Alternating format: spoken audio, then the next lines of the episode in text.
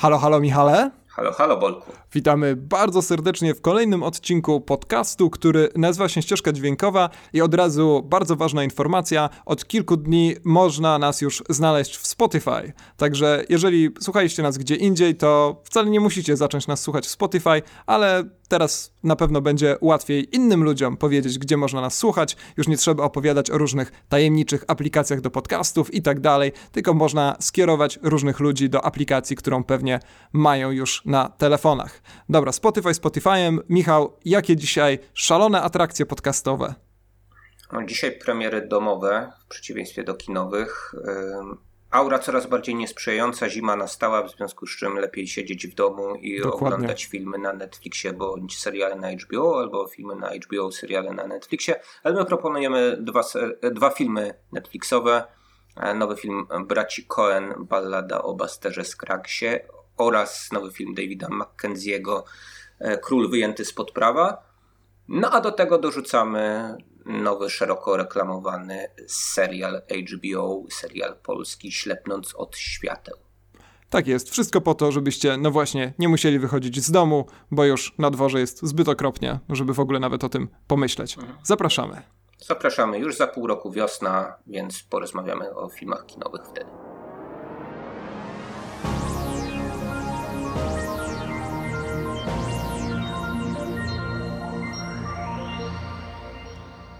Michał, żyjemy sobie w takich dziwnych czasach, że mamy co piątek, sobotę, czasem czwartek jakąś premierę w kinie, a nawet kilka tych premier w kinie i, i tak nie mamy na to czasu, ani pieniędzy, ani przede wszystkim energii, bo ile można oglądać filmów, a do tego dochodzą nam jeszcze premiery na różnych popularnych serwisach streamingowych, które zaczęły się obudowywać przeróżnymi poważnymi nazwiskami. No i dzisiaj pogadamy sobie właśnie o tym, jak oglądać nowe filmy ważnych twórców, nie wychodząc z domu i oglądać je na przykład na laptopie albo na nieogromnym telewizorze i co, nam, co, co z tego wynika. No i właśnie niedawno mieliśmy między innymi premierę nowych braci Cohen, nowego Davida Mackenzie'ego, o tym sobie porozmawiamy, ale jak przeglądamy zapowiedzi Netflixa, to wychodzi na to, że w grudniu będziemy się mierzyć m.in. z Romą Alfonsa Cuarona, filmem, który już został uznany za jeden, najwybitniejszych, za jeden z najwybitniejszych w tym roku. Będziemy oglądać wreszcie zrealizowanego Irishmana Martina Scorsese i to jest dla mnie e, o tyle ciekawe, że zarówno te filmy, o których dzisiaj będziemy mówić więcej, jak i te filmy, które przed chwilą wymieniłem, to są produkcje, które wręcz proszą się o to, żeby oglądać je na dużym ekranie, prawda? Bo Roma została nakręcona na 65 mm, milimetrowej taśmie. E, Irishman to będzie jakaś super produkcja za 150 milionów dolarów. No a teraz pogadamy sobie w ogóle o westernie, który jakby z definicji niemal powinien być oglądany na ekranie kinowym. Jak ty się z tym czujesz, że większość tych produkcji musisz oglądać na laptopie, ewentualnie projektorze, no ale wiadomo, nie ma możliwości zobaczenia ich w kinie często, zwłaszcza w Polsce. E, to znaczy, mamy do czynienia z taką fazą przejściową, i część z tych filmów jednak w śladowych ilościach e, w wielkich miastach będzie. Ja już dosłownie dzisiaj się dowiedziałem, że e, pokazy przedpremierowe Romy będą w jednym z, e, z krakowskich kin e, studyjnych. O, to super, no bo wiem, że na przykład Koenowie, przepraszam, że ci przerywam tak hmm. okrutnie, jak zwykle zresztą, może już nie powinienem za to przepraszać. Wiem, że Koenowie grani byli w amerykańskich kinach przez równo tydzień. I tyle. Wiado I, wiadomo i z jakich powodów, prawda? No tak, nagrodowych, żeby tak, się ten, zakwalifikować. Ten, ty, ten tydzień wyświetlania jest konieczny, żeby ubiegać się o Oscary, a być może inne y, ważne nagrody także mają podobny, podobny przepis, e, podobny wymóg do tego, żeby e, te nagrody wręczać, no ale wydaje mi się, że czasy się zmieniają i z tych wymogów e, jednak no przynajmniej za wielką wodą zrezygnują. My tutaj rozmawiając o tegorocznym festiwalu w Cannes jakby zainicjowaliśmy ten temat, mówiąc o tym, że... Pierwsi w Polsce. No myślę, że ci, ci, ci, w, ci, ci w Kan jednak zaczęli dyskusję, a nasza dyskusja to była taka, taką metadyskusją na temat tego. Jest takie prawdopodobieństwo, tak. E, bo inaczej nie mielibyśmy o czym rozmawiać. E, natomiast mówiliśmy o tym, tylko krótko przy, przypomnę, że e, właśnie podejście Pedro Almodovara i tej całej kanańskiej wierchuszki, która powiedziała nie produkcjom Netflixa, no jest trochę chyba w poprzek e, no, tego, co się dzieje dookoła nas, to znaczy e, tego, że po prostu taki, tacy producenci jak, jak Netflix no, dokonują coraz większej ekspansji na, na polu audiowizualnym, że tak ładnie powiem. I to jest, i to jest nie do zatrzymania w żaden sposób, a no nie wpuszczanie takich produkcji do konkursu w Cannes no będzie tylko skutkowało tym, że takie filmy pojawią się na przykład w Wenecji. I tak się stało właśnie z Romą Alfonso Cuarona, tak się stało z balladą o Basterze Skraksie, o której będziemy za moment rozmawiali, braci Cohen. Na razie mamy też taki czas przejściowy właśnie, no jak jakąś taką e, hybrydyzację tych, ty, ty, tych różnych pól ekspansji, która właśnie objawia się tym, że e, pokazywane są te filmy także w kinach na jakichś takich e, pojedynczych pokazach, nawet w Polsce. Jeszcze przed braćmi Cohen był u nas film Paula Greengrassa prezentowany 22 lipca. To a propos takiej szerokiej akcji Nie pomyl filmu, za chwilę tak, w polskich... jeszcze straszniejszą Utoją. Z, za chwilę po, w polskich kinach norweski film Utoja 22 lipca, który, który mówi mniej więcej o tym samym, to znaczy o zamachach terrorystycznych dokonanych przez Breivika. E, mówi w zupełnie inny sposób, więc od razu z, te, z tego miejsca polecam obie, oba te filmy. Natomiast e, no mieliśmy, e, była taka możliwość dla konserwatywnych widzów, żeby obejrzeć to E, w kinie. No, ale ja chyba... Tak, ale mało kto z niej, z niej skorzystał. Jak rozmawiałem z zaprzyjaźnionymi kiniarzami i pytałem właśnie o frekwencję na Utoi Greengrassowskiej, tuż przed tym, jak ona mhm. miała się pojawić na Netflixie, to no rzeczywiście pojedyncze osoby się na tym pojawiały. Więc w dużej mierze też chodzi chyba o to Netflixowi po prostu, żeby zdobyć jakąś taką legitymację poważnego medium, poważnego producenta, choć wydaje mi się, że w oczach większości społeczeństwa czegoś takiego nie potrzebuje. Y, ciekawe jest to, że może rzeczywiście zmieni się teraz jakaś jakaś hierarchia festiwali. Tak długo jak Cannes nie będzie chciało e, na zupełnie regularnych prawach i bez żadnych problemów i bez żadnego dziadowskiego jęczenia przyjmować tych takich ogromnych już w tym momencie Netflixowskich produkcji, za którymi stoją fantastyczne nazwiska, no to być może rzeczywiście Wenecja zacznie się e, wspinać powoli po tych szczeblach, zresztą niewiele jej do Cannes brakuje i w końcu gdzieś tam w jakichś takich e, ogólnospołecznych rankingach ten festiwal prześcignie. Po tym jak Netflix przez długi czas produkował straszny paździerz i tutaj e, mówiliśmy o kilku tego typu przykładach, e, takich jak Bright chociażby, prawda? Wspominaliśmy. Tak. Też re, re, reklamowany jako superprodukcja.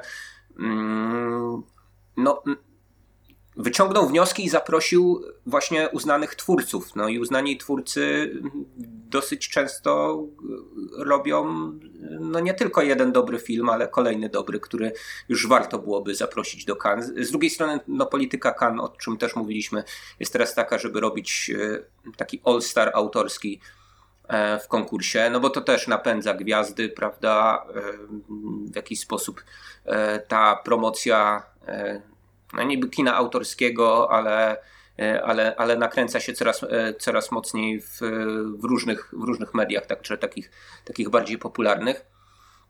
No i wydaje mi się, że na, na razie mamy do czynienia z taką wojenką, w której po prostu jeśli nie, e, nie ulegną ci skan, no to zwycięzcami, tak jak powiedziałeś, no mogą być tylko inne festiwale. Ja przypomnę, że E, Roma Quarona e, dostała najwyższą nagrodę festiwalu w Wenecji, dostała Złotego Lwa w tym roku.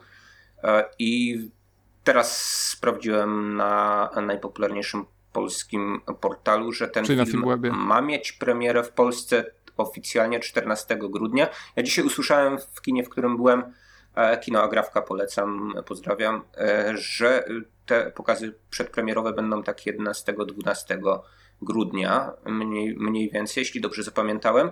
Nie wiem, kiedy ten film ma premierę na Netflixie, to ty możesz sprawdzić jakoś w międzyczasie. I, i nie bo, wiem, bo to też jest ciekawa kwestia, czy, czy to jest, czy, czy, czy ta premiera polska na przykład będzie tożsama z premierą na Netflixie. Czy w ogóle widziałbyś y, te premiery kinowe jako takie uderzenie wyprzedzające, żeby ludzie spragnieni filmu y, poszli, poszli wcześniej i kina zarobiły. No z perspektywy Netflixa to chyba, chyba nie jest dobre, tego typu strategia. Z drugiej strony może jakieś odosobnione pokazy przedpremierowe tylko nakręcają hype wokół filmu. No tak, tu przede wszystkim o to Nie, chodzi. nie Zresztą tak. kiedy rozmawiałem też, e, wychodzi na to teraz, że mam szerokie grono znajomości, ale to nie jest do końca prawda. Kiedy rozmawiałem z pewną dystrybutorką z kolei, no to tam z kolei dowiedziałem się, że Netflixowi w dużej mierze chodzi o to właśnie, żeby zbudować taki za przeproszeniem baz e, wokół filmu, który właśnie można zbudować za pomocą premiery kinowej, a niekoniecznie już premiery na twoim własnym laptopie. Ale dobra, bo e, ani Kan teraz jakoś w okolicach nagrania tego odcinka się nie wydarza, ani Romy jeszcze nie widzieliśmy, więc przejdźmy sobie do tej najnowszej, najgłośniejszej i chyba w ogóle według mnie najlepszej premiery w historii Netflixa, czyli do ballady o Busterze Scraggsie, najnowszej produkcji braci Cohen, która ponoć miała być miniserialem i to nie wyszło. To jest taka dość zagadkowa historia, może nasi słuchacze nas tutaj wesprą, bo w wielu recenzjach, w wielu tekstach o filmie rzeczywiście przewija się ta informacja, że to miał być miniserial, ale skończyło się na filmie. Tymczasem w jednym z wywiadów bracia Cohen otwarcie powiedzieli, że to nigdy żaden miniserial miał nie być, to od początku miał być zbiór krótkich takich etiud z Dzikiego Zachodu. No i chyba rzeczywiście tak było, to znaczy oglądając ten film trudno sobie wyobrazić, żeby to był jakiś taki rzeczywiście ciągnący się przez dłuższy czas e, nawet mini serial. No i ja od razu powiem, że ja jestem zupełnie balladą o Busterze Scraggsie zachwycony. Michał, szybka opinia. A to jest zbiór nowelek od razu powie, powiedzmy widzom. Tak, to powiedziałem już trzy razy przed chwilą. Róż... Okej, okay, ale chciałem e, jeszcze dopowiedzieć, że nowelek różnej długości, więc tak a propos e, te, tego, czy mógłby to być e, serial. Oczywiście no, na portalach streamingowych no, już nie jesteśmy taką, tak jak w ramówce telewizyjnej obciążeni tym, że coś musi mieć 50 minut, potem 10 minut na reklamę i kolejny serial, ale no, byłoby trudno chyba wypuścić coś takiego, co czego jeden odcinek ma, nie wiem, 15 minut, inny ma 25. Ja nie mierzyłem każdej Nie, ale te czasu, różnice ale są radykalnie odmienne. No jest jedna nowelka ta y, w podróży do mm, Oregonu, która rzeczywiście zdecydowanie się wyróżnia długością. Tak, no poszczególne odcinki Narcos na przykład, z tego co pamiętam, kiedy jeszcze oglądałem ten serial, to tam różnica była duża, tam między 42 a 50 minut chyba nawet.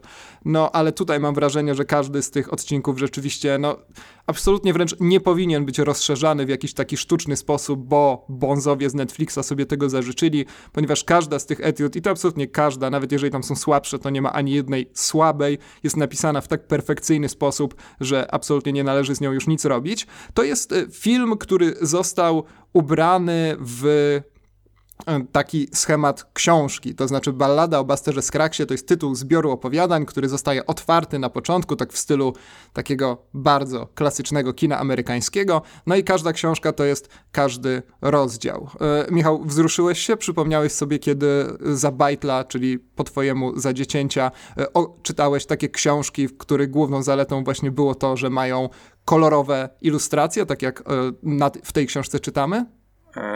Z zaletą form pisanych, które miały kolorowe ilustracje, było głównie dla mnie to, że były komiksami. A jeśli chodzi o książki. Czyli nie lubisz książek z obrazkami znaczy, ogólnie? No nie było to dla mnie nigdy jakimś takim głównym, głównym walorem. No, książka to książka, ma być ściana tekstu, prawda?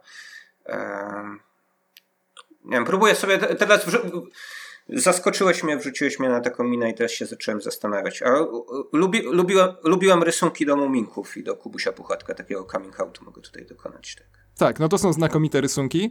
E, no tutaj mamy mm, rzeczywiście każde opowiadanie zaczyna się od pewnej kolorowej ilustracji, no i kamera w taki dość perfidnie prymitywny, ale całkowicie zamierzony sposób zbliża się do tej, e, nawet nie chyba ilustracji, tylko wydaje mi się, że może fragmentu tekstu, a ta ilustracja tam gdzieś miga, to jest zupełnie nieistotne, e, no i zaczyna się rzeczywiście coś, co udaje adaptację takiego opowiadania.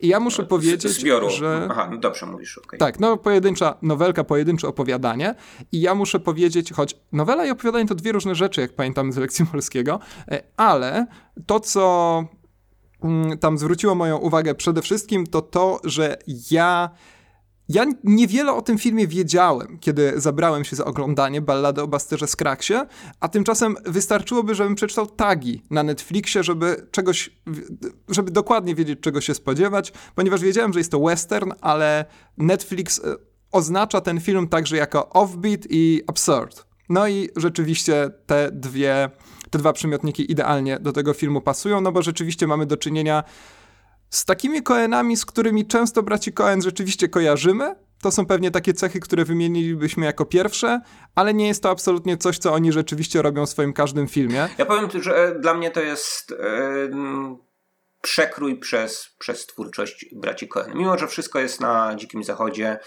to jednak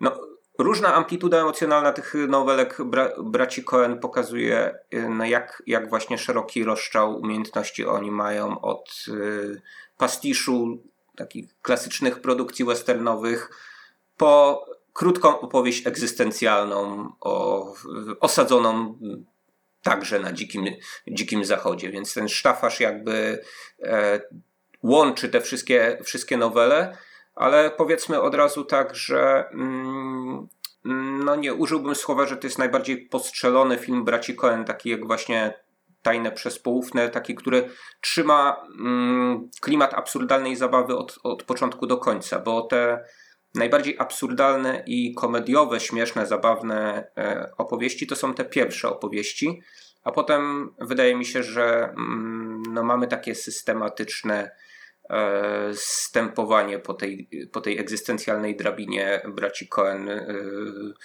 e, pamiętamy takie, takie ich produkcje jak Poważny Człowiek na przykład, które, czy Barton Fink, które łączyły grozę z humorem, łączyły śmieszne ze strasznym, z jakąś właśnie taką, taką refleksją na temat losu ludzkiego, z pewnym filozofowaniem na temat tego, co się człowiekowi trafia. No a tutaj wydaje mi się, że gdzieś już pod koniec tego filmu no mamy taki dosyć, dosyć posępny klimat, więc jeżeli byśmy wyjęli na przykład te środkowe nowelki i obejrzeli ostatnią po pierwszej, mm, no to przeskok byłby drastyczny. A tak to no jesteśmy trochę jak ta wolno gotująca się żaba, prawda? Która może, może tak mocno nie doświadcza, że coraz większa groza tam narasta. Przynajmniej się tak czułem, oglądając ten film.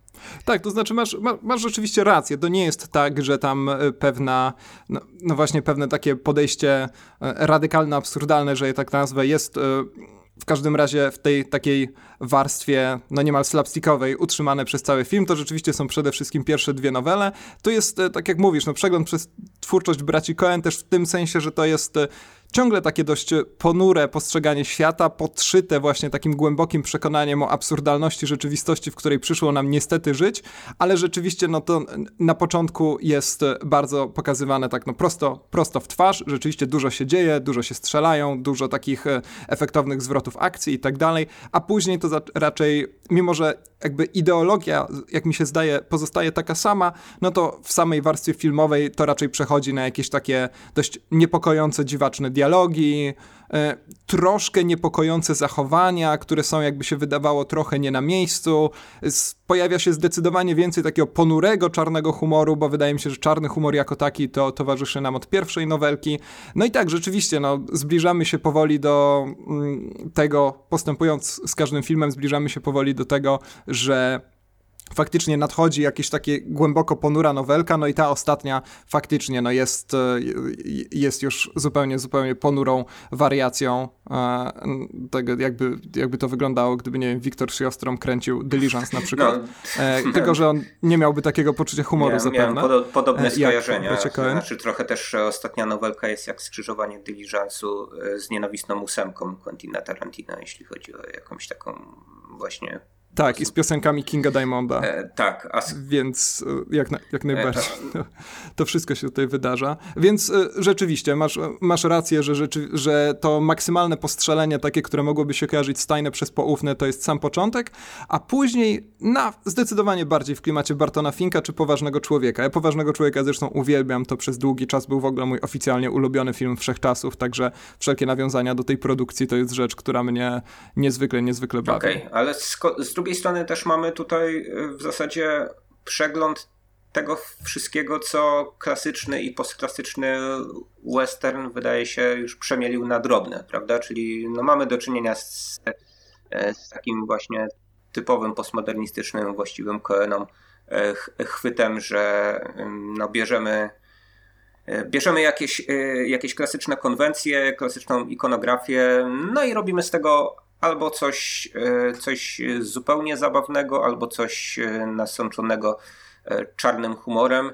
Ja zacząłem się zastanawiać, gdy oglądałem ten film, czy oni chcieli te westernowe konwencje mm, poddać takiej obróbce w taki sposób, żeby sięgnąć najpierw po to, od czego western zaczynał, ale to jakoś nie do, nie, nie, nie do końca mi się e, sprawdziło. E, tutaj, żeby nie zostawać na jakimś wysokim poziomie ogólności, ale też nie wchodzić w jakieś e, spoilery, Powiem tylko, że pierwsza nowela jest o śpiewającym kowboju. I tam jest taki tak. śpiewający kowboj jak z lat, z lat 30., bo. No to jest taki Gene Autry. No rasowy, jest zresztą ubrany w tym samym stylu. No nie wiem, czy słuchacze wiedzą, wiedzą kim jest Gene Autry, więc ja bym tutaj jednak dopowiedział pewne rzeczy, prawda? Nie wiem, czy... W ogóle chciałem powiedzieć, że kino, to oczywiście wydarzyło się przed kinem jeszcze, ale kino niestety to rozpowszechniło. Jedną z najgorszych rzeczy, jakie pojawiły się w historii kina, to są śpiewający kowboje to są ci właśnie faceci w efektownych ciuchach, w efektownych butach, z efektownymi ostrogami, którzy no przede wszystkim śpiewają dość okropne piosenki, okropnie rzępoląc na gitarze i przy okazji, że tak powiem, przeżywając różne przygody. No i kiedy zobaczyłem, że ten film rozpoczyna się właśnie od takiego, no po prostu śpiewającego kowboja, to byłem naprawdę głęboko przerażony, ale na szczęście bardzo szybko okazało się, że Buster Scruggs, bo właśnie tym śpiewającym kowbojem jest tytułowy bohater, to jest postać dużo ciekawsza niż tylko kolejna wariacja, nudna wariacja na temat śpiewającego kowboja. Tak, ponieważ lepiej używa rewolweru niż gitary prawda? No ja myślę, że Obama włada z, z równą w, yy, zręcznością, lepiej niż ja słowem, na pewno. E, okej, okay, ale tu właśnie mamy e, no taki, te, taki ukłon Coenów, który no, widzieliśmy w miarę już nie, niedawno, no bo w poprzednim ich filmie Awe Cezar, prawda, do, do tego, do tego klasyczne, klasycznego kina, e, kina hollywoodzkiego. Na, na samym początku wydaje nam się, że że to, że, że, znaczy może nam się wydawać, jeżeli nie znamy braci Cohen, że to jest tak w skali 1 do 1, prawda, a potem, potem zaczyna być coraz, coraz bardziej absurdalnie. Mm, no ale kolejne, kolejne te nowelki, tak jak, tak jak powiedziałem, no już pokazują ten e, dziki zachód e, trochę bardziej ponury, nawet jeżeli mamy opowieść o poszukiwaczu złota, która zaczyna się z, z kolei jak no jak takie dzieło z, dzieło z lat 50., e, w którym twórcy bardzo mocno chcieli pokazać e, wszystkie dobra technikoloru albo jakiejś e, innej technologii, która, która mm, po technikolorze nastąpiła. To znaczy, no mamy wszystko, wszystko rozświetlone barwami takimi wręcz przejaskrawionymi, no ale potem, potem, potem wchodzi opowieść, która, która zaczyna być jednak coraz, coraz, coraz bardziej ponura. No ale jeżeli Tom Waits gra poszukiwacza złota, to no, chyba możemy się spodziewać, że, no, że, nie, że nie będzie tak, to, nie będzie to kiczowate. Tak? Wspomniałeś właśnie o tych efektownych zabiegach kolorystycznych, no to jest taka rzecz e, co do której ja nie mogę do końca jeszcze stwierdzić, czy mi się podobała, czy nie. To znaczy, ten film jest strasznie powykręcany w postprodukcji. Tam kolor korekcja najprawdopodobniej zajęła większość czasu całej produkcji Ballady o Basterze Skraksie i ten film wygląda przez to bardzo dziwacznie. I miejscami to gra, a miejscami rzeczywiście potrafi strasznie drażnić, bo miejscami po prostu ta nienaturalność obrazu bardzo dobrze współgra z tym, co dzieje się na ekranie, e, jeżeli chodzi chociażby o samą warstwę fabularną, jakieś etiutki, ale czasem to jest okrutnie męczące. No tak, ale wydaje, naprawdę. Wydaje, Kiedy po raz kolejny oglądamy coś, co wygląda po prostu jak wykreowane no niemal od zera w studiu, nawet jeżeli tak nie było. No ale sztuczność jest domeną postmodernizmu i wydaje mi się, że właśnie tak miało, miały wyglądać te różne nowelki, to znaczy drastycznie różnić się od siebie mm, także, także takimi formalnymi zabiegami, że tutaj teoretycznie bierzemy coś z jednej książki o Dzikim Zachodzie, to jest jakieś takie prairie fiction powiedzmy, no bo to, ten, ten zbiorek jest trochę tak, jak takie pulp fiction, tylko że tam się nie, nie, nie, nie dopinają nawzajem, to znaczy nie oddziałują ze sobą wzajemnie te, te nowelki. O, na szczęście. W, w żaden Tego sposób. się trochę bałem. Ale utrzymane są e, no, w różnych konwencjach z różnych epok westernowych, no więc te lata 30. ze śpiewającym kowbojem, takie te lata 50., kiedy, kiedy ten western e, no, starał się w taki maksymalnie epicki sposób odciągnąć ludzi od telewizji, wobec czego no, po, pokazać ogrom tej majestatycznej przyrody, prawda, i piękno tego, jak, jak właśnie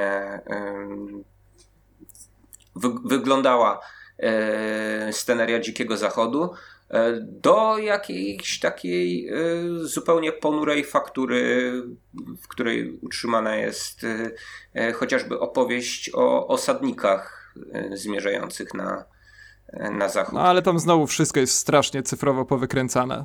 Mnie o to chodzi, mhm. że nawet jeżeli to niekoniecznie promienieje jakimiś jasnymi barwami, to po prostu widać, że to jest e, strasznie kolorystycznie powykręcane i nie zawsze byłem w stanie to znieść, nawet jeżeli rozumiałem konwencję.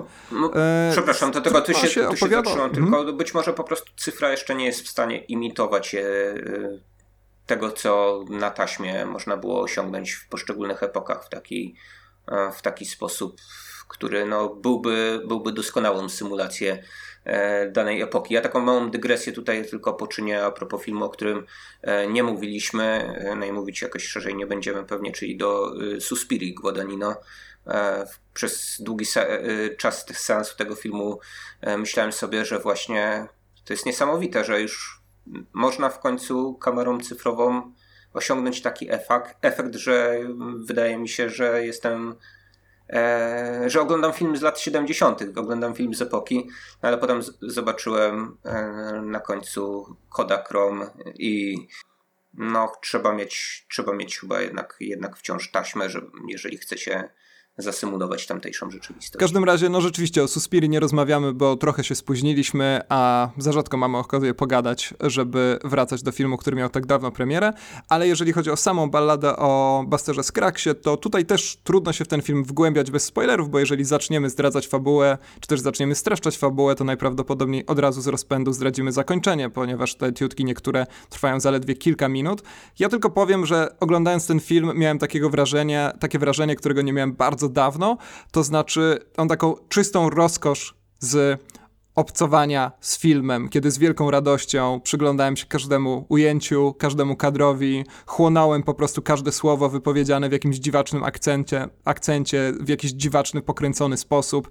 I ostatni raz chyba miałem coś takiego, kiedy oglądałem Breaking Bad w najlepszym okresie tego serialu, gdzie rzeczywiście po prostu każda kolejna sekunda tego, co widzę na ekranie, sprawiała mi jakąś taką czystą, organiczną przyjemność, więc balladę o Basterze Skraksie polecam bardzo, samego, samego serduszka. Ja powiem tak, że z założenia nie lubię filmów nowelowych, ale tak, te, te filmy zwykle są kręcone przez różnych reżyserów, w związku z czym różne są poetyki, różne mm, poziomy wrażliwości i no i e, wobec czego nowele też e, zwykle w takim filmie składankowym są na bardzo różnym poziomie. E, tutaj mamy e, dużą spójność z racji tego, że, że to są cały czas ci sami twórcy. No natomiast po tych e, pierwszych dwóch takich skrzących się absurdalnym humorem nowelkach no, miałem lekkie poczucie z zawodu, że potem jest tak dojmująco smutno, ale może tak, tak, tak być Ale musiało. to jest wszystko to jest rzeczywiście wszystko znakomicie przemyślane, to znaczy ten film, no właśnie, zresztą z balladą w tytule, funkcjonuje jako taki bardzo dobry long play, bardzo dobrze ułożona płyta, gdzie tak naprawdę poszczególne utwory nie mogą się sprowadzić do tego, żeby funkcjonować jako dobre single, dobre pojedyncze kawałki, ale ta całość to musi być też więcej niż suma części i rzeczywiście każde z tych poszczególnych segmentów musi wchodzić wzajemnie ze sobą w jakieś e, fajne zależności i budować jakieś nowe napięcia, także no pod tym względem ballada jest też wspaniale, wspaniale skonstruowana. No, no więc polecamy przy okazji zainwestować w duży telewizor. No tak, no bo to jest ten problem, o którym mówiłem na samym początku odcinka, zwłaszcza te, ta nowelka, która mówi o podróży do Oregonu. To jest taka nowelka, która e, składa hołd tym wszystkim klasycznym, fordowskim ujęciom z, ze znanych westernów i rzeczywiście postaci gdzieś tam giną na tle tych obszernych krajobrazów, więc e, szczerze, szczerze, rzeczywiście polecam obejrzeć to jak na, na jak największym ekranie. Dobra. Bo, bo, inaczej mały piesek może gdzieś tam zniknąć, prawda? No, piesek jest dosyć mały. Piesek jest dosyć mały, a w... na, na, na laptopie nie wiem, czy widoczny. W tej etiudzie mamy przegląd różnych piesków. A wiadomo, że w filmie mało jest lepszych rzeczy niż pieski. Także tak, tak, także tak, no zdecydowanie warto tego pieska dostrzec. E, słuchajcie, zanim przejdziemy do kolejnego filmu, ja bym chciał trochę w taką autopodróż sentymentalną się e, udać, ponieważ w naszych odcinkach, gdzie opowiadamy o tym, co widzieliśmy na różnych festiwalach, nie oszukujmy się, nie mieliśmy dużo takich odcinków, ale rzeczywiście pojawiły się. E, zwykle zachęcamy do tego, żeby informować nas, informować innych, głosić wszem i wobec, kiedy jakiś film, o którym wspominaliśmy i o który polecaliśmy, rzeczywiście można później zobaczyć w kinach i co prawda, najprawdopodobniej, kiedy posłuchacie, no nie, mam nadzieję, że jeżeli mm, słuchacie tego podcastu w momencie, kiedy się ukazał, to tak naprawdę macie jeszcze kilkanaście godzin, ale chciałem powiedzieć, że w sobotę w Krakowie, w sobotę, który mamy dzisiaj, mój drogi Michale, 22, czyli 24 listopada, w sobotę w Krakowie w ramach festiwalu Etiuda i Anima, będzie można zobaczyć film La Casa Lobo, czyli Dom Wilka. To jest ta animacja, o której opowiadałem przy okazji naszego podsumowania Nowych Horyzontów. Animacja, która sprawiła, że strasznie później bałem się papieru i folii i różnych takich rzeczy, które można kupić ogólnie w sklepie papierniczym. Nawet takim tutaj obok mnie. Dlatego od momentu seansu tego filmu raczej się tam nie zapuszczam yy, i przez to nie mogę w ogóle jeździć jedną linią autobusową, ale trudno. Także nie wiem, czy to jest polecam. najlepsza zachęta na świecie. Nie no, uważam, że film, który sprawia, że będziesz się bał papieru, to jest film, który trzeba zobaczyć. Nawet kosztem tego, że nigdy w życiu już nie skorzystasz z papieru. No ja wiem, że ty, ty jesteś zwolennikiem książek elektronicznych i czytników do e-booków. No, tak, więc ja mam, ja mam łatwiejszą sprawę. Zdecydowanie. Y, no i w ogóle festiwal Etiudai Anima co prawda już się kończy, bo w ten weekend y, odbywa się już zakończenie, podsumowanie i tak dalej, ale jeżeli jeszcze zdążycie się wybrać, to ja szczerze polecam, bo to jest jeden według mnie z najciekawszych festiwali w Polsce. Festiwal, który zresztą miałem okazję przez długie lata współtworzyć i lubiliśmy mówić o tym, o tej imprezie, że to jest festiwal filmów, których nie ściągniecie z internetu, bo rzeczywiście ten szeroki przegląd animacji, które można tam zobaczyć, ale także etiud studenckich, także mniej znanych filmów znanych znanych reżyserów, to jest rzecz zupełnie imponująca. No i w sobotę rzeczywiście mamy fantastyczny przegląd różnych y, dłuższometrażowych, tak bym powiedział, animacji w kinie Kijów, a w niedzielę w klubie Gwarek w Krakowie, oczywiście ten klub jest bodajże na Raymonta, z tego co pamiętam z moich krakowskich lat, będzie można oglądać y, filmy, które zostały na Etiudzie i Animie nagrodzone. Także Festiwal filmów, których nie ściągniecie z internetu, już się kończy, ale może jeszcze się załapiecie. Z czystego sentymentu, ale też szczerego przekonania polecam ten festiwal. Przejdźmy sobie do drugiego filmu produkcji Netflix, kolejnego filmu, który aż się prosi o to, żeby zobaczyć go na dużym ekranie i filmu, po którym sobie bardzo dużo obiecywałem. Naprawdę, od kiedy dowiedziałem się, że Netflix robi coś takiego, to czekałem z ogromną niecierpliwością. Właściwie zaraz po premierze odpaliłem i... No, no cieszę się, że obejrzałem to w zaciszu własnego domu, nie płacąc nic ponad e, abonament Netflixa, bo byłoby mi przykro, ale chodzi o film Outlaw King, czyli po, po polsku bodajże Król wyjęty spod prawa. Nie znam tych polskich tytułów, ponieważ Netflix z jakiegoś powodu mi ich nie wyświetla. Może to i dobrze. I to jest film wyreżyserowany przez Davida Mackenziego. David Mackenzie to jest twórca, który zrobił już strasznie dużo filmów, ale ma takie dwa najsłynniejsze, które ja bardzo lubię. Jeden to Młody Adam, jedna z najlepszych ról Iwana McGregora, a drugi to film sprzed dwóch czy trzech lat ze scenariuszem Tylora Sheridana, czyli Hell or High Water, u nas jako Aż do piekła. Znakomita zupełnie produkcja z Chrisem Pine'em, o której tutaj opowiadaliśmy przy okazji jakichś podsumowań, więc nie będę się nad tym rozwodził, ale to jest naprawdę rzecz kapitalna, znakomita, jeden z moich faworytów tamtego roku, nie wiem czy to był 16, chyba 2016, nie pamiętam. No a tutaj to 16, tak? Ja jestem świetnym filmoznawcą.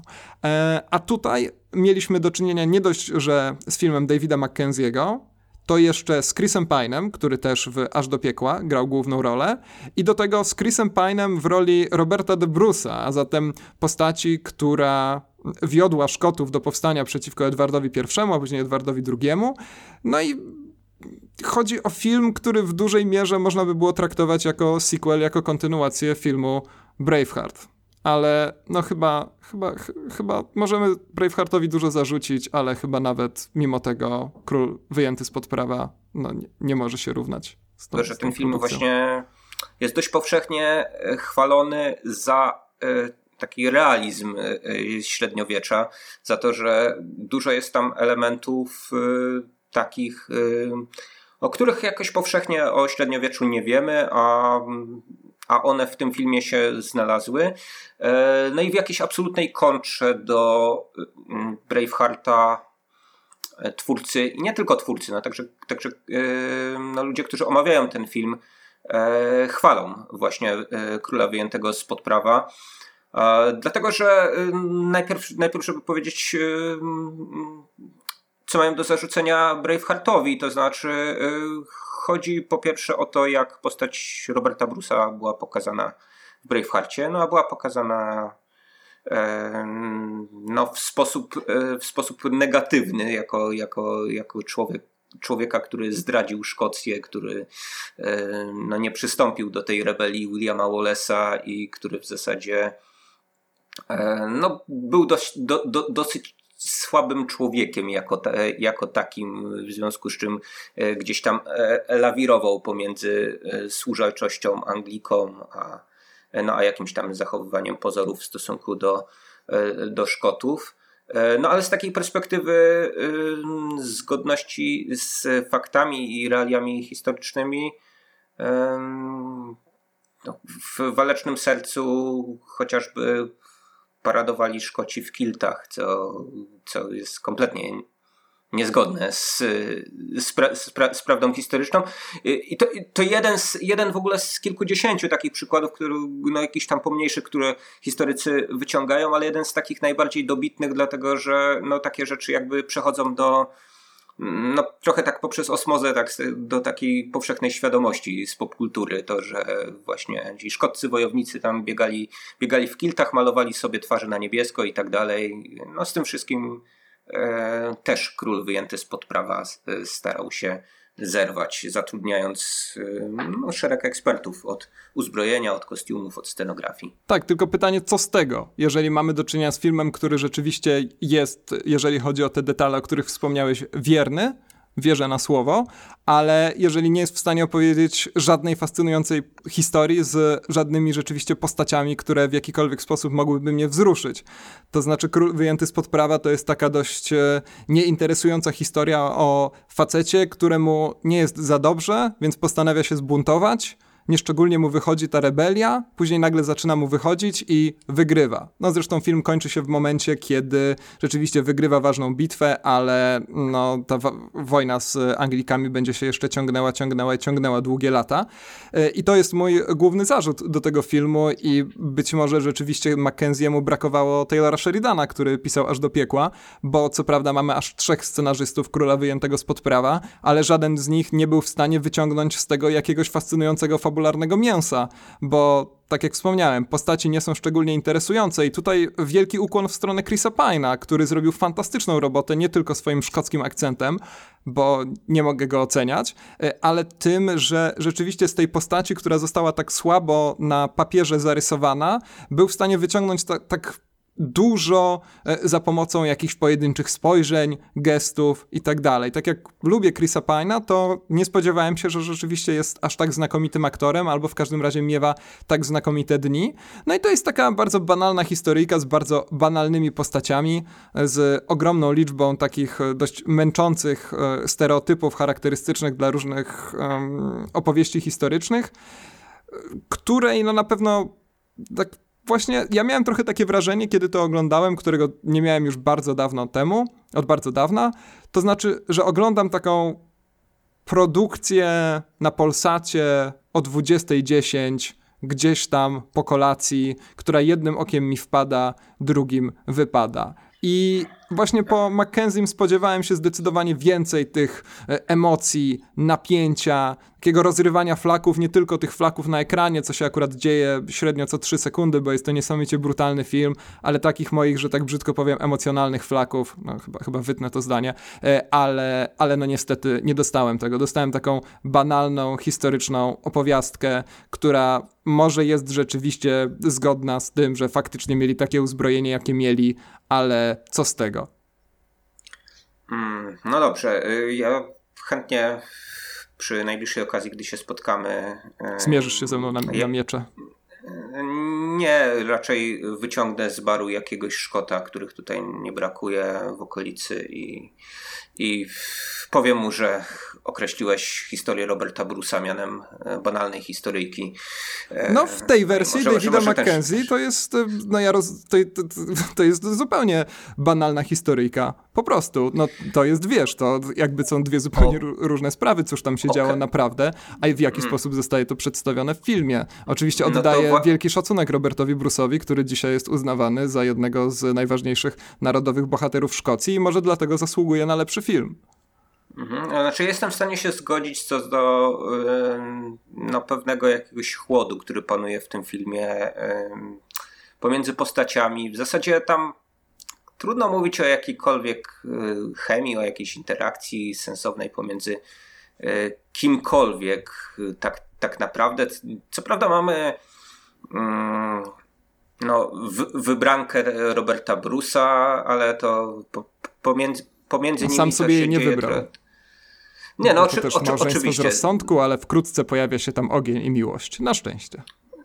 E, tak, chociaż na, na, na początku jest bardzo chłodno, ale tak wydaje mi się, że na poziomie e, gry aktorskiej to chłodno zostaje do, do końca większymi emocjami kipi e, mm, relacja pomiędzy e, Robertem Bruce'em a następcą tronu brytyjskiego Edwardem II. Tak? E, ale w wciąż, no to są, to, to, to są takie postacie, które wydają mi się mm, specjalnie niedopowiedziane, y, niedookreślone, też pozbawione jakiejś psychologicznej głębi, no i to zgodziłbym się, że, że no niespecjalnie ciekawe rzeczywiście, że to jest, y, to jest tak, że większość tej realizacyjnej pary być może rzeczywiście poszła y, w scenografię, a a to co. To, to, no zabrakło takiego, zabrakło takiego mięsa, o którym e, w nazbyt patetyczny sposób być może e, pamiętał mm, Mel Gibson, no ale tak jak zapamiętałem Waleczne Serce, to, no właśnie. to jest, jest, jest to film jednak, jednak budzący emocje, prawda? Tak, tak jak do Ridleya Scotta miano też różne zastrzeżenia a propos Gladiatora, no to wciąż Gladiator jest takim filmem no, wspominanym przez wielu ludzi bardzo dobrze z racji tego, że e, co prawda e, Ridley Scott, jak głosi pewna anegdota, e, powiedział no, jakiemuś, jakiemuś tam zaangażowanemu w produkcję ekspertowi, żeby ten się łaskawie od niego odpieprzył, gdy, gdy ten mu wspominał, że nikt nie strzelał płonącymi strzałami wówczas, a to ma miejsce, czyli pamiętacie na początku filmu. No tak, no jak masz okazję no, ale, nakręcić ale, ale, płonącą strzałę, to to rób, po prostu. To jest, to z drugiej strony właśnie, no, brał, te, bra, bra, no, kręcił takie rzeczy, bo wydawały mu się bardzo, bardzo filmowe i e, oddziałujące e, na widza. Czasami jest tak, że jeżeli nazbyt kurczowo trzymamy się też pewnych, pewnej zgodności z rzeczywistością, no to wychodzi nam coś, coś takiego miałkiego i nudnego, jaką często rzeczywistość bywa. Tak, dokładnie, tutaj... bo historia rzadko bywa naprawdę emocjonująca. No, no. Przy okazji zgłosić weto a propos y, Krzysia Sosny, jak y, zwykłem nazywać y, Chrisa Pajna. No dla mnie to jest taki człowiek, jakiego nazwisko, że to jest jednak jednak Taki człowiek. głównie drewno aktorskie i w żaden sposób mnie tą rolą nie przekonał, że on jakąś charyzmę ma i ja bym nie pomaszerował za, za takim Robertem Brusem gdyby, gdyby przyjechał pod dom. Jasne, ja to absolutnie... Choć no to, idziemy bić Anglików. Chris Pine, no tam, to, choć idziemy bić Anglików, bo musimy płacić podatki, a teraz będziecie mnie płacić podatki, jeżeli wygram. Do tego się sprowadza jego argumentacja, jak mi się wydaje.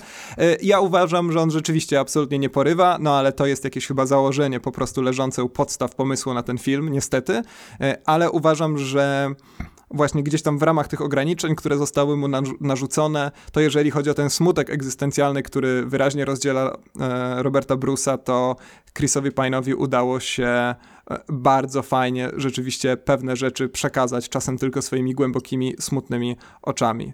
E, więc no rzeczywiście nie porywa, ale chyba nie ma porywać. No aczkolwiek to znowu prowadzi nas do tego problemu, że jest to po prostu taka grupka ludzi, którzy głównie przegrywają, a później nagle wygrywają. No i i, i tyle. Mhm. E, ale przecież wspaniale, tak, się, wspaniale się zaczyna ten film. No bo zaczyna się od tego piekielnie efektownego jednego ujęcia, w czasie którego dzieje się tyle rzeczy, że mnie się robiło wręcz niedobrze z napięcia. Czułem się, jakbym obserwował jakieś bardzo skomplikowane przedstawienie teatralne, które w każdej chwili może się rypnąć, wręcz wszystko sugeruje, że zaraz się rypnie, a jednak się nie rypnęło. Yy, szkoda, że później w czasie filmu nie dostajemy żadnej sceny, która dorównywałaby tej maestrii w najmniejszym stopniu. No zresztą pierwsze ujęcie kończy się taką bardzo efektowną katapultą, której już nigdy później nie widzimy. Jest to, jest to niesamowicie mm. śmieszne. To jest taka tak. antystrzelba Czechowa, naprawdę. Ona widzimy ją i od razu wybucha i tyle. No, ale to miała być spektakularna kulminacja pewnie te, tego, tego długiego ujęcia, prawda? Tak, no, to, na pewno, to, tylko że jest odlepiona od reszty filmu przez to i to mi się już nie podoba trochę jak otwarcie dotyku zła Orsona Wellesa, nie wiem czy pamiętasz, które też się No tak, ale ta bomba później, eksplozją. no właśnie, ta, ta bomba jest też e, istotna dla rozwoju no, fabuły. Okej. Okay. A tutaj... Okej, okay, okej, okay, zgoda. Tak, a tutaj mamy po prostu no. katapultę. Wydawałoby się, że gdzieś tam w tym konflikcie, który stanowi główny temat filmu, ta katapulta zostanie jeszcze chociaż raz odpalona, ale nie. Nie. No tak, ale tu nawet, y, nawet y, król angielski traktuje ją jako pewnego rodzaju fajerwerk, tak? Kompletnie niepotrzebny z militarnego punktu widzenia. Więc mamy taki fajerwerk na y, koniec tego początkowego ujęcia, ale właśnie, no wydaje mi się, że tutaj znowu jakaś tak no para, para w gwizdek po prostu. To znaczy przygotowali sobie, sobie długie ujęcie, które gdy oglądałem wywiad z reżyserem, on się tłumaczył, że no to miało jakoś tak wrzucić widza w ten, w, te, w ten świat, tak? że, że rzekomo właśnie e, sprawić, że no od razu gdzieś jesteśmy tak pośród, po, po, pośród tych bohaterów i z jednej strony miało to jakoś, jakoś widza oszołomić, a z drugiej strony no miało, miało sprawić, że rzekomo łatwiej wejdziemy ten świat. No nie, bo samo pierwsze nie... ujęcie jest, no, jest świetne. No, ten lekko pijacki pojedynek między przyszłym Edwardem II a Robertem de jest e, fantastyczny według mnie. No ale. No, nie, wiem, nie, nie, nie wiem, czy dobrze Cię zrozumiałem, no, ale powiedziałeś, że mieliśmy, mamy do czynienia z takim dosyć, dosyć teatralnym planem. No ja tak czułem tam jednak, że wszyscy się A nie, to to nie było. Właśnie jak w teatrze, że wchodzą i wychodzą po prostu na jakiś wcześniej naszkicowany rozkaz reżyserski. No tak, tak było zapewne. Właśnie ktoś z halabardą. No, ale czasami się tego nie czuje, wiesz. Tak, no, tak, to jest tak, te, Także Utoja 22 lipca jest w całości zrealizowana e, jednym ujęciem i i, i, tam czuję, że to jest y, po prostu zabieg y, formalny, który działa z tym filmem, bo jesteśmy z tymi bohaterami, no jakby czujemy fizycznie ich strachy. Przynajmniej ja czułem, tak? A, a tutaj, no nie wiem, to, to dla, mnie, dla mnie to jest takie efekciarstwo, które, które niewiele wnosi. To znaczy, właśnie to się staje czystym efekciarstwem post factum, kiedy obejrzysz ten film i zorientujesz się, że później no właśnie nie ma niczego, co choćby zbliżyłoby się do tej pierwszej sceny. Także, także wielka szkoda. No ja naprawdę byłem tym filmem y, zawiedziony, to na pewno, tak smutno rozczarowany i mocno znudzony. Także ogromnie żałuję, bo spodziewałem się po Mackenziem, zwłaszcza po jego ostatnim filmie, dużo więcej, a tu się okazuje, że no chyba najwięcej waż do piekła zrobił Tyler Sheridan, a ta ekipa scenariopisarska, która siedziała przy Outlaw King, już no niestety do poziomu mhm. E, tego nie, nie potrafiła się zbliżyć. Szkoda. Żeby nie zniechęcać zupełnie słuchaczy, powiem, że wielu osobom się podoba i to nie tylko historycy. Bo jest nagi Chris Pine, full frontal. E, który no, został chyba w jakiś sposób ocenzurowany ostatecznie przez Netflixa, tak? Czy, czy coś wiesz więcej na ten temat? Bo dużo się o tym dyskutowało. Hmm. Dyskutowano dużo o tej scenie w Toronto. Tam podobno na festiwalu w Toronto ten film miał, tak, miał swoją premierę. Podobno był dłuższy o, o prawie pół godziny. A trwa dwie i pół. I, I po nim e, nastąpiły jakieś e, cięcia, które rzekomo odwróciły mm, negatywne pisanie o tym filmie o 180 stopni. Więc e, no, ciekaw jestem, jak ten film wyglądał. Tak, tej, bo, bo zawsze wersji druga wersja przemontowana jest lepsza od tej pierwszej. Tak właśnie pokazuje nam e, historia kina. No, nie wiem, nie wiem, nie wiem. E, jeżeli chodzi o cenzurowanie na gości Chrisa Pine'a, to, mm, to nic o tym nie wiem, no, Ale... po prostu. No jak, jeżeli ktoś bałby się tej sceny full frontalu, to powiem, że to jest z daleka i niewiele widać. I Tak. Więc że, że, spoko. No, jeżeli ktoś miał z tym problemy z jakiegoś powodu.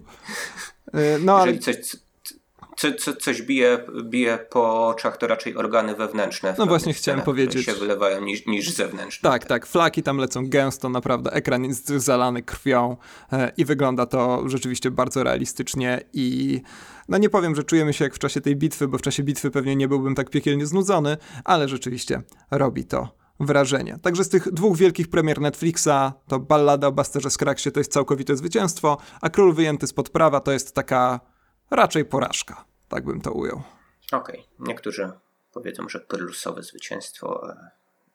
Dobrze, nie będę, nie, nie będę tego drążył, powiem tylko na koniec, że y, cała twórczość Davida McKenzie'ego to dla mnie taka sinusoida jednak i to jest, to jest człowiek, który, no może rzeczywiście, tak jak mówiłeś, jest, znaczy powinien się tylko z dobrymi scenarzystami zadawać i wówczas, wówczas jest lepiej. Nie, prze, nie wszystkich jego filmów, E, z, z których jest zaskakująco tak, dużo. on, zawsze... on nakręcił chyba z 11 mm. filmów. No, nie, nie, nie, niektórym się, się podobał taki film jak Ostatnia Miłość na Ziemi, którą uważam za, za, za totalny mm. gniot. Y, ten młody. Adam, który się tobie podobał, dla mnie jest raczej przeciętniakiem, ale bardzo cenię jego film Halam Foe, który, który został, został nakręcony niedługo później.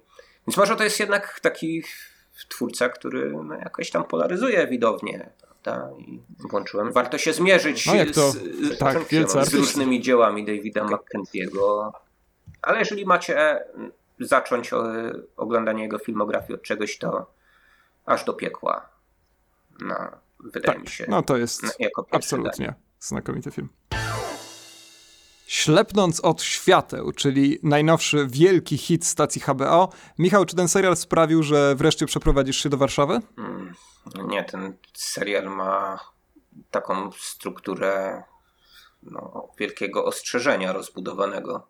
Jeżeli mielibyśmy to um, interpretować w charakterze reklamy czy zaproszenia do, do Warszawy, to jest chyba zupełnie przeciwnie, prawda? To jest coś, co odstrasza od tego piekła na ziemi, gdzie wszyscy ćpają.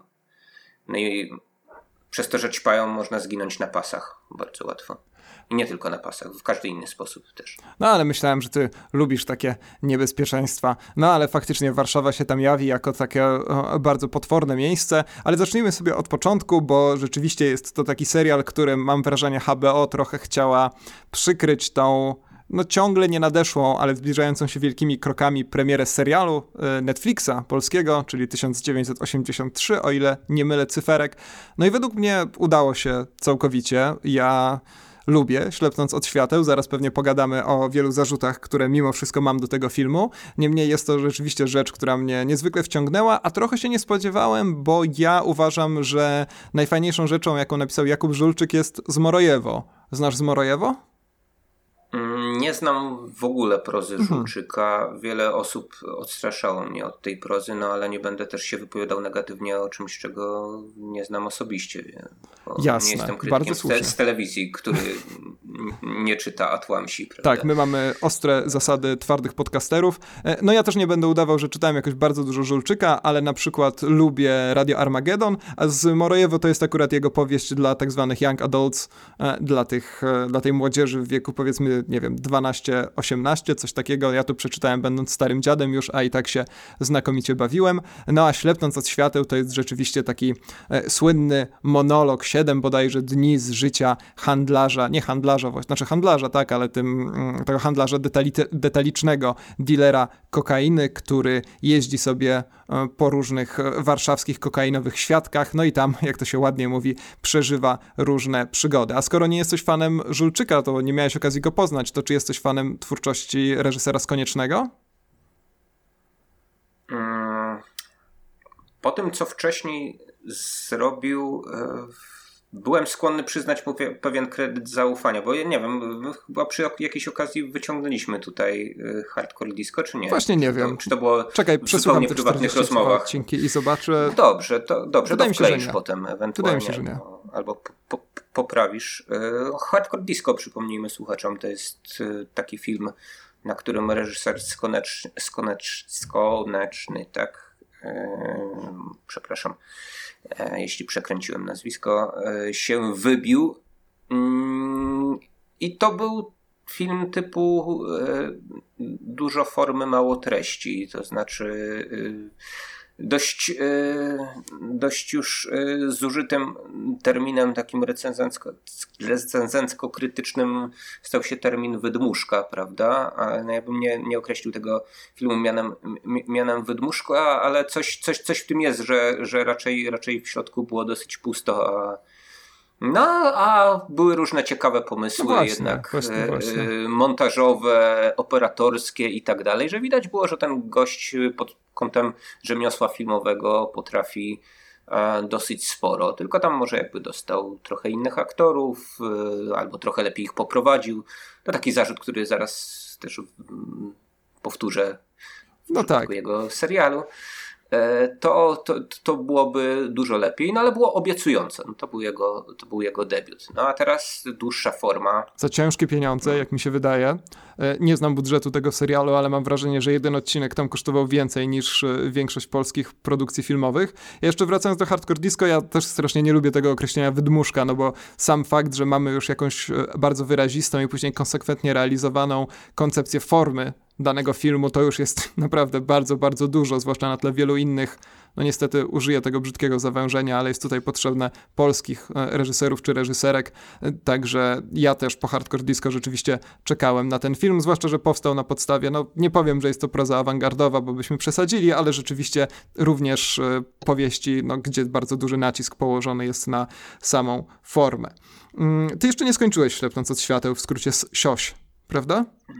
Został mi jeden odcinek, więc byłbym e, bardzo szczęśliwy, gdybyś nie wyjawił mi finału. E, czy to E, oficjalnie, czy też nieoficjalnie. Dobrze, jestem, ja tylko powiem, że jestem usatysfakcjonowany finałem, usatysfakcjonowany ostatnią sceną. E, słuchaj, lubię takie określenie tego filmu, które usłyszałem od Piotrka Mirskiego, mm, jednego z najwybitniejszych oczywiście polskich krytyków filmowych i felietonisty ekranów, e, który powiedział, nie wiem czy mogę to przywoływać, bo to było w prywatnej rozmowie, ale bardzo mi się podoba to określenie, więc najwyżej udam, że to moje, że jest to trochę tak, jakby Patryk Wega usiłował nakręcić remake Żuławskiego. I co ty na to? Mm, te odwołania do Patryka Wegi. Mm, sam Piotrek Milski na pewno powtórzył publicznie, więc nie musisz się mm, niczego obawiać, ale wydaje mi się, że nie tylko on. Wśród tych negatywnych głosów, których jest trochę mniej niż pozytywnych, pojawiają się właśnie takie, które, które mówią, że, że ten serial z koniecznego, no to, to jest taki Patryk Wega dla wykształciuchów, czy Patryk Wega dla hipsterów, że mamy tutaj y, lepszy warsztat, o czym wcześniej wspomnieliśmy, dużo lepszy, no bo Patryk Wega, jak wiemy dobrze, ma w tym e, względzie bardzo duże braki. Tak, tak, tak, to jest chyba podstawowy on, o, on nie potrafi ze sobą skleić dwóch ujęć, żeby scena jakoś przyzwoicie wyglądała, a tutaj no, niewątpliwie takie rzeczy się udają bez problemu. E, natomiast y, jak sądzę, co autor miał na myśli, tak, o co chodziło Piotrkowi Milskiemu, no, to znaczy chodziło generalnie o e, taką wymowę tak, ideologiczną tego, e, tego filmu, no i to w jaki sposób e, tutaj przebiega to światotwórstwo, tak, w jaki sposób przebiega budowanie świata przedstawionego w tym serialu. Coś, w tym jest, że zmierzamy w kierunku no, jakiejś takiej eksploatacji y, maczyzmu, dresiarstwa, mm, nie wiem jak to, jak to nazwać, czy machosploitation, tak, czy, czy dressploitation właśnie.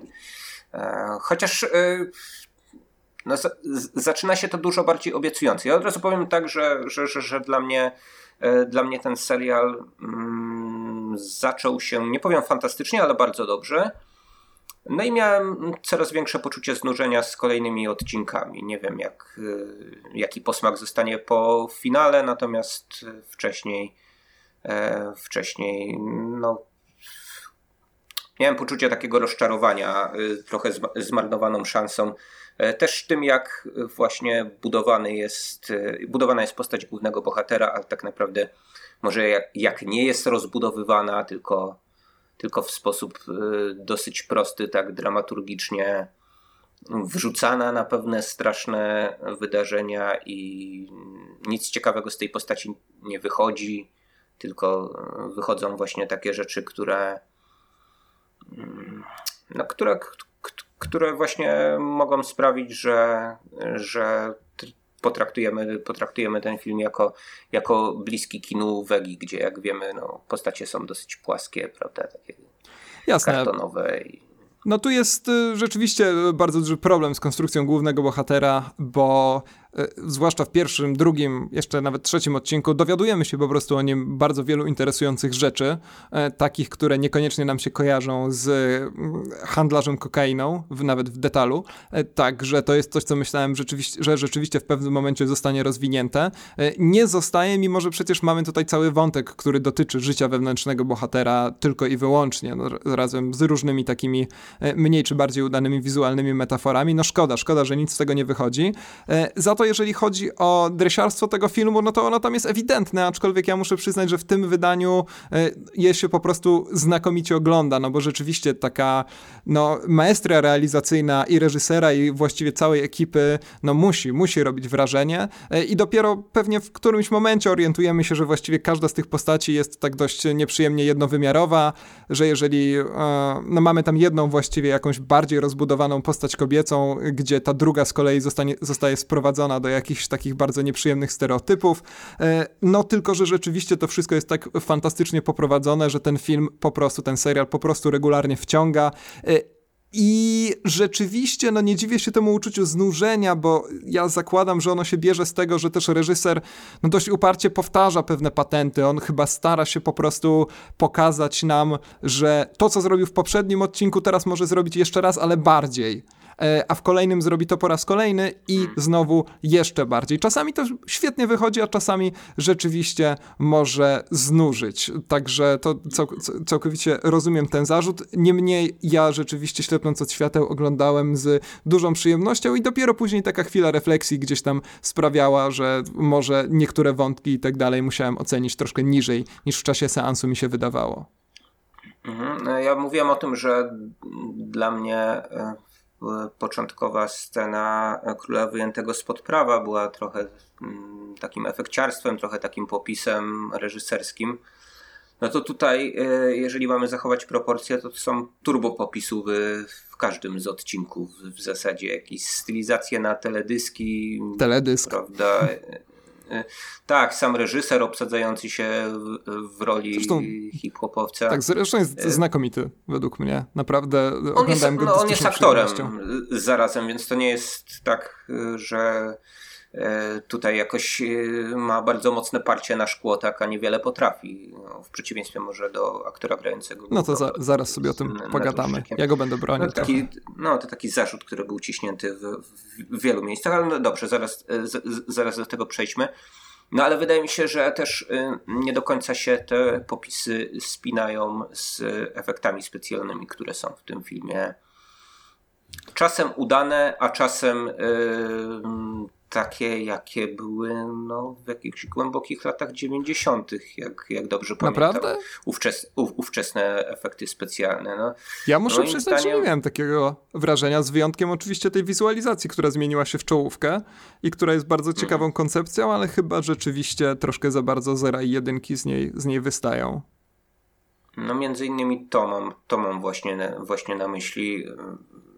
Nie wiem, wydawa, wydaje mi się, że w ogóle za dużo było tego typu y, rzeczy. One miały w jakiś sposób y, być może pogłębić tę postać, ale bardziej raczej maskują to, że, no, że postać głównego bohatera no właśnie jakiejś specjalnej głębi nie ma, że, no, że to jest jednak dosyć, dosyć mm, prosty chłopak, który chciał dużo zarobić i wyjechać gdzieś, gdzieś daleko. Ma dosyć tego całego świata. Trochę na początku on jest interesujący, tak jak y, interesującym bohaterem jest Travis Bickle w taksówkarzu. Tak, dopóki się, dopóki się nie orientujesz, bardzo, że to właśnie, że to nie jest tak, ba, ba, ba, bardzo, bardzo podobne ma, ma, że tak powiem, też, y, też marzenia, żeby ten jego świat wokół, wokół niego się zmienił, no ale niewiele też w tym kierunku y, robi, a zamiast tego pogrąża się coraz bardziej w jakiejś takiej e, no, wydumanej moim zdaniem paranoi, zważywszy na to, jak ta postać jest budowana na samym początku. To znaczy, na, na samym początku to jest, to jest człowiek, który, no od razu powiedzmy, że to, to jest taki ekskluzywny dealer, tak? Dealer celebrytów, dealer właśnie, e, który umożliwia tym osobom współświadka dotarcie ze swoim towarem do takich ludzi, do których no, inni dealerzy nie są w stanie specjalnie dotrzeć. No a potem z tego, z tego bohatera wychodzi bardzo podobny gangus do, do tych postaci, od których on się w jakiś sposób na samym początku serialu odcina i stara się do nich nie upodobnić. Ja nie miałbym z tym problemu, gdyby to e, było mm, konsekwentnie prowadzone. To znaczy, nie mam nic przeciwko degrengoladzie głównego bohatera w danym filmie czy serialu. No, pod warunkiem, że to jest y, przekonująco pokazane, a moim zdaniem tutaj, tutaj nie jest. No, w pewnym momencie mamy do czynienia z jakimś tam e, stryknięciem i przestawia się jakaś przekładnia w głowie bohatera, no i on się nagle zaczyna zachowywać w sposób dosyć e, histeryczny, no i dosyć irracjonalny też. Tak, tak. To znaczy o tyle, o ile jestem w stanie zrozumieć, czemu zaczyna zachowywać się w sposób e, irracjonalny, to e, rzeczywiście bardzo mnie denerwuje to, że on nagle zostaje po prostu jakimś jednym czy dwoma gestami reżyserskimi po prostu spłaszczony. I tak jak no w pierwszych scenach e, Ba, no nawet właśnie tak jak wspomniałem, w pierwszych dwóch, trzech odcinkach wydaje się, że to jest rzeczywiście fascynująca postać, bo mamy ekskluzywnego dealera, tak jak powiedziałeś, ale który jednocześnie ma Przepraszam, dostałem maila z Filmwebu, że skojarzył mnie z kimś korzystając z usługi kojarzenia znajomych. Dziękuję Filmwebie. E... Jesteś jak Shrek i Fiona, tak? Z tą, z tą postacią? Czy, czy ktoś inny? Ale, Ale przepraszam, bo ten mail mnie bardzo wyrzucił e, z rytmu. Dobra, to ja wrócę po prostu do swojego opętańczego monologu. E, I rzeczywiście dowiadujemy się, że jest właśnie jakimś takim ekskluzywnym dealerem, który e, jednocześnie najprawdopodobniej ma bardzo dużo kompleksów i stara się w jakiś sposób, za przeproszeniem, optymalizować własną osobę. Do tego dochodzi ta jego dość tajemnicza relacja z rodzicami, z własną przeszłością i przy tym wszystkim też e, fakt, że on ma najprawdopodobniej jakieś artystyczne albo wykształcenie, albo prawie wykształcenie, więc rzeczywiście to się wszystko składa na perspektywie jakiejś interesującej postaci a później nagle bach i nie ma tego. Ale słuchaj, e, zapytam cię w takim razie o Kamila Nożyńskiego, czyli oczywiście aktora odgrywającego Kubę, czy też Kubusia, jak e, głównie do niego mówią w tym serialu.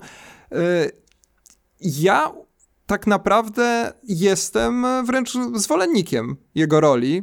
E, bardzo długo mam wrażenie, że pewne jego ograniczenia grają tutaj na korzyść tej postaci. E, bardzo ciekawym zabiegiem jest też to, że on niemal zawsze jest obstawiony przez e, bardzo głośne inne postaci. Właśnie ma tutaj krzyczącego Więckiewicza, demonicznego Frycza i on jest zawsze taką ostoją spokoju, co może właśnie wynika z tego, że raczej reżyser nie ryzykuje dając mu zbyt dużo do grania, ale właśnie ostoją spokoju w takim zupełnie rozszalałym huraganie innych aktorów, którzy wirują wokół niego. No i problemy zaczynają się, kiedy rzeczywiście ma sceny, sceny na przykład sam na sam z telefonem. I to rzeczywiście może miejscami zaboleć. Ale ogólnie, zwłaszcza na tym etapie, kiedy jeszcze myślałem, że Kubuś to jest jakaś nadzwyczaj złożona postać, to te strategie aktorskie, że je tak nazwę, e, mi się podobały. E, jasne, znowu, gdyby tutaj była konsekwencja, gdyby ten bohater był taki zgaszony do minimum, e, do samego końca, a przynajmniej mm, no, jakoś byłby w stanie e, z konieczny go poprowadzić lepiej w momencie, gdy mamy do czynienia z no, tym jego przejściem na jeszcze ciemniejszą stronę życia. To, no to mogło to wyglądać inaczej. Natomiast jeżeli tutaj nagle w pewnym momencie Nożyński musi właśnie perorować jakoś długo, a cały czas robi to swoim takim rukliwym, nosowym, e, monotonnym tembrem głosu, no to ja po prostu odpadam, usypiam. No, nie obchodzi mnie ta postać zupełnie. No, tu jest Oczywiście ze względu na, te, na tematykę najłatwiej o takie skojarzenia, ale zacząłem sobie porównywać w myślach ten serial z Breaking Bad. No, gdzie, gdzie, gdzie też mamy bohatera, który coraz bardziej osuwa się, tak? W tą mroczną, mroczną stronę. I też bohatera, który no, na początku wydaje się, że jest no, jakimś takim ciapciakiem tak naprawdę, tak? Że, że bardziej, bardziej interesujące są te postacie wokół niego. E, no ale tam okazało się, że, że on dorasta do jakiejś charyzmy, a tu, a tu nie ma charyzmy, tu jest jakaś histeria. Nie, to jest coraz tylko. mniej, to, to, właśnie, niestety. Są takie zupełnie groteskowe wydają mi się sceny z policjantami, którzy to też, no jeden z policjantów to jest w ogóle, nie, nie wiem z jakiej bajki wyjęty, no z, z, jakiejś kreskówki chyba, tak? Jakiś człowiek, który wygląda jakby był e, non-stop naspidowany, nomen omen, a to ma, nie wiem, odzwierciedlać jakąś jego taką niezdrową obsesję na, na, na punkcie handlarzy narkotyków, czy, czy, czy o nim zazdrości, czy, czy coś. No, tak, nie, nie wiem. Każdy nie tam wiem, jest nie, nie, nie, wiem o co chodzi, ale, te, ale to jest właśnie taką, e, tak, taką grubą krechą rysowane, że o ile porządni aktorzy są w stanie mm, no spod, spod tej krechy się gdzieś tam wysmyknąć i nawet to przekształcić na, na, na własną korzyść, no bo trochę groteskowy no jest też, y, jest groteskowa postać Więckiewicza, tak, który który też jest swego rodzaju jakimś takim e, dresem siłowni rodem, a jednocześnie no, ma jakieś tam problemy rodzinne i tak dalej, no ale jest y, non-stop, e, przepraszam za mój francuski, podkurwiony w tym filmie, to no to nie każdy z tych aktorów długoplanowych jest w stanie e, spod tych dialogów, które ma napisane i spod tej postaci zrobić coś, e, coś dobrego. Nie, nie, nie mówię wybitnego, bo wybitnie to się tutaj zachował Jan Frycz w tym serialu. No i to trzeba mu oddać. E, te, ta, ta, ta, postać, ta kreacja Daria, tak, to jest, to jest jakieś, jakieś mistrzostwo, jeśli chodzi o, o budowanie postaci, ale znowu wydaje mi się, że no, budowanie postaci z dosyć miałka, miałkiego materiału mimo wszystko. Tak, no Frycz w ogóle w roli psychopatów, e, albo w każdym razie ludzi w jakiś sposób odklejonych e, sprawdza się zawsze znakomicie, to jest fantastyczny aktor. E, i no rzeczywiście jest tutaj bardzo wiele takich postaci, które są narysowane po prostu tylko i wyłącznie grubą kreską i czasem to zupełnie nie wychodzi, no jak w przypadku Więckiewicza właśnie, który, no inna sprawa, czy on pasuje do gangstera, czy nie, no to jest na tyle znakomity aktor, że myślę, że poradzi sobie w absolutnie każdej roli, niemniej, no tutaj trochę za bardzo wychodzi ta taka no, fraza prymitywna, którą on się posługuje w taki sposób, że no widzisz, że jest to przerysowane, ale jest to tak przerysowane, że bardzo szybko niestety zaczyna męczyć. Tak czy owak, no ja będę bronił tego serialu, ponieważ rzeczywiście oglądało mi się go z przyjemnością. Jestem pod ogromnym wrażeniem e, bardzo wielu rozwiązań. Pamiętam, że scena otwierająca bodajże drugi czy trzeci odcinek, w tym momencie nie pamiętam, ta z Dariem właśnie, który jest wieziony samochodem, to jest e, absolutny majstersztyk, którego w polskich serialach, a nawet w filmach pełnometrażowych raczej się nie ogląda, także wydaje mi się, w ogóle miałem takie wrażenie, że realizatorzy dostali od HBO worki pieniędzy i udało im się to je świetnie wykorzystać, choć pewnie w praktyce było inaczej i wcale e, aż tak dużego budżetu nie mieli, także tym bardziej jestem e, pod wrażeniem. Słuchaj Michał, ja nagrywam ten podcast z szafy, także powoli bym już kończył, bo zaraz, zaraz tutaj się utopię z gorąca. Ja się bardziej boję, że jakieś mole mnie zjedzą. Choć mam tutaj takie, takie, takie rzeczy na mole, które tak bardzo dziwnie pachną i też przez to nie najlepiej się już czuję w tej szafie. Ale dzięki temu mam nadzieję uzyskałem perfekcyjną jakość dźwięku, która podkreśla mój wspaniały tembr głosu. No nie wiem. Dobra, to skoro, skoro to już wiemy, e, to dziękujemy Wam bardzo. Kończymy. Zapraszamy do różnych rzeczy społecznościowych związanych z tym podcastem, typu polubienia na Facebooku albo wystawienie recenzji na iTunes. Można nas już, przypominam, słuchać na Spotify, także same wspaniałe rzeczy, a następny odcinek być może już niedługo, bo jak na razie jesteśmy bardzo rozpędzeni. E, dzięki wielkie i papa, do usłyszenia. Sayonara żółwie i żółwice.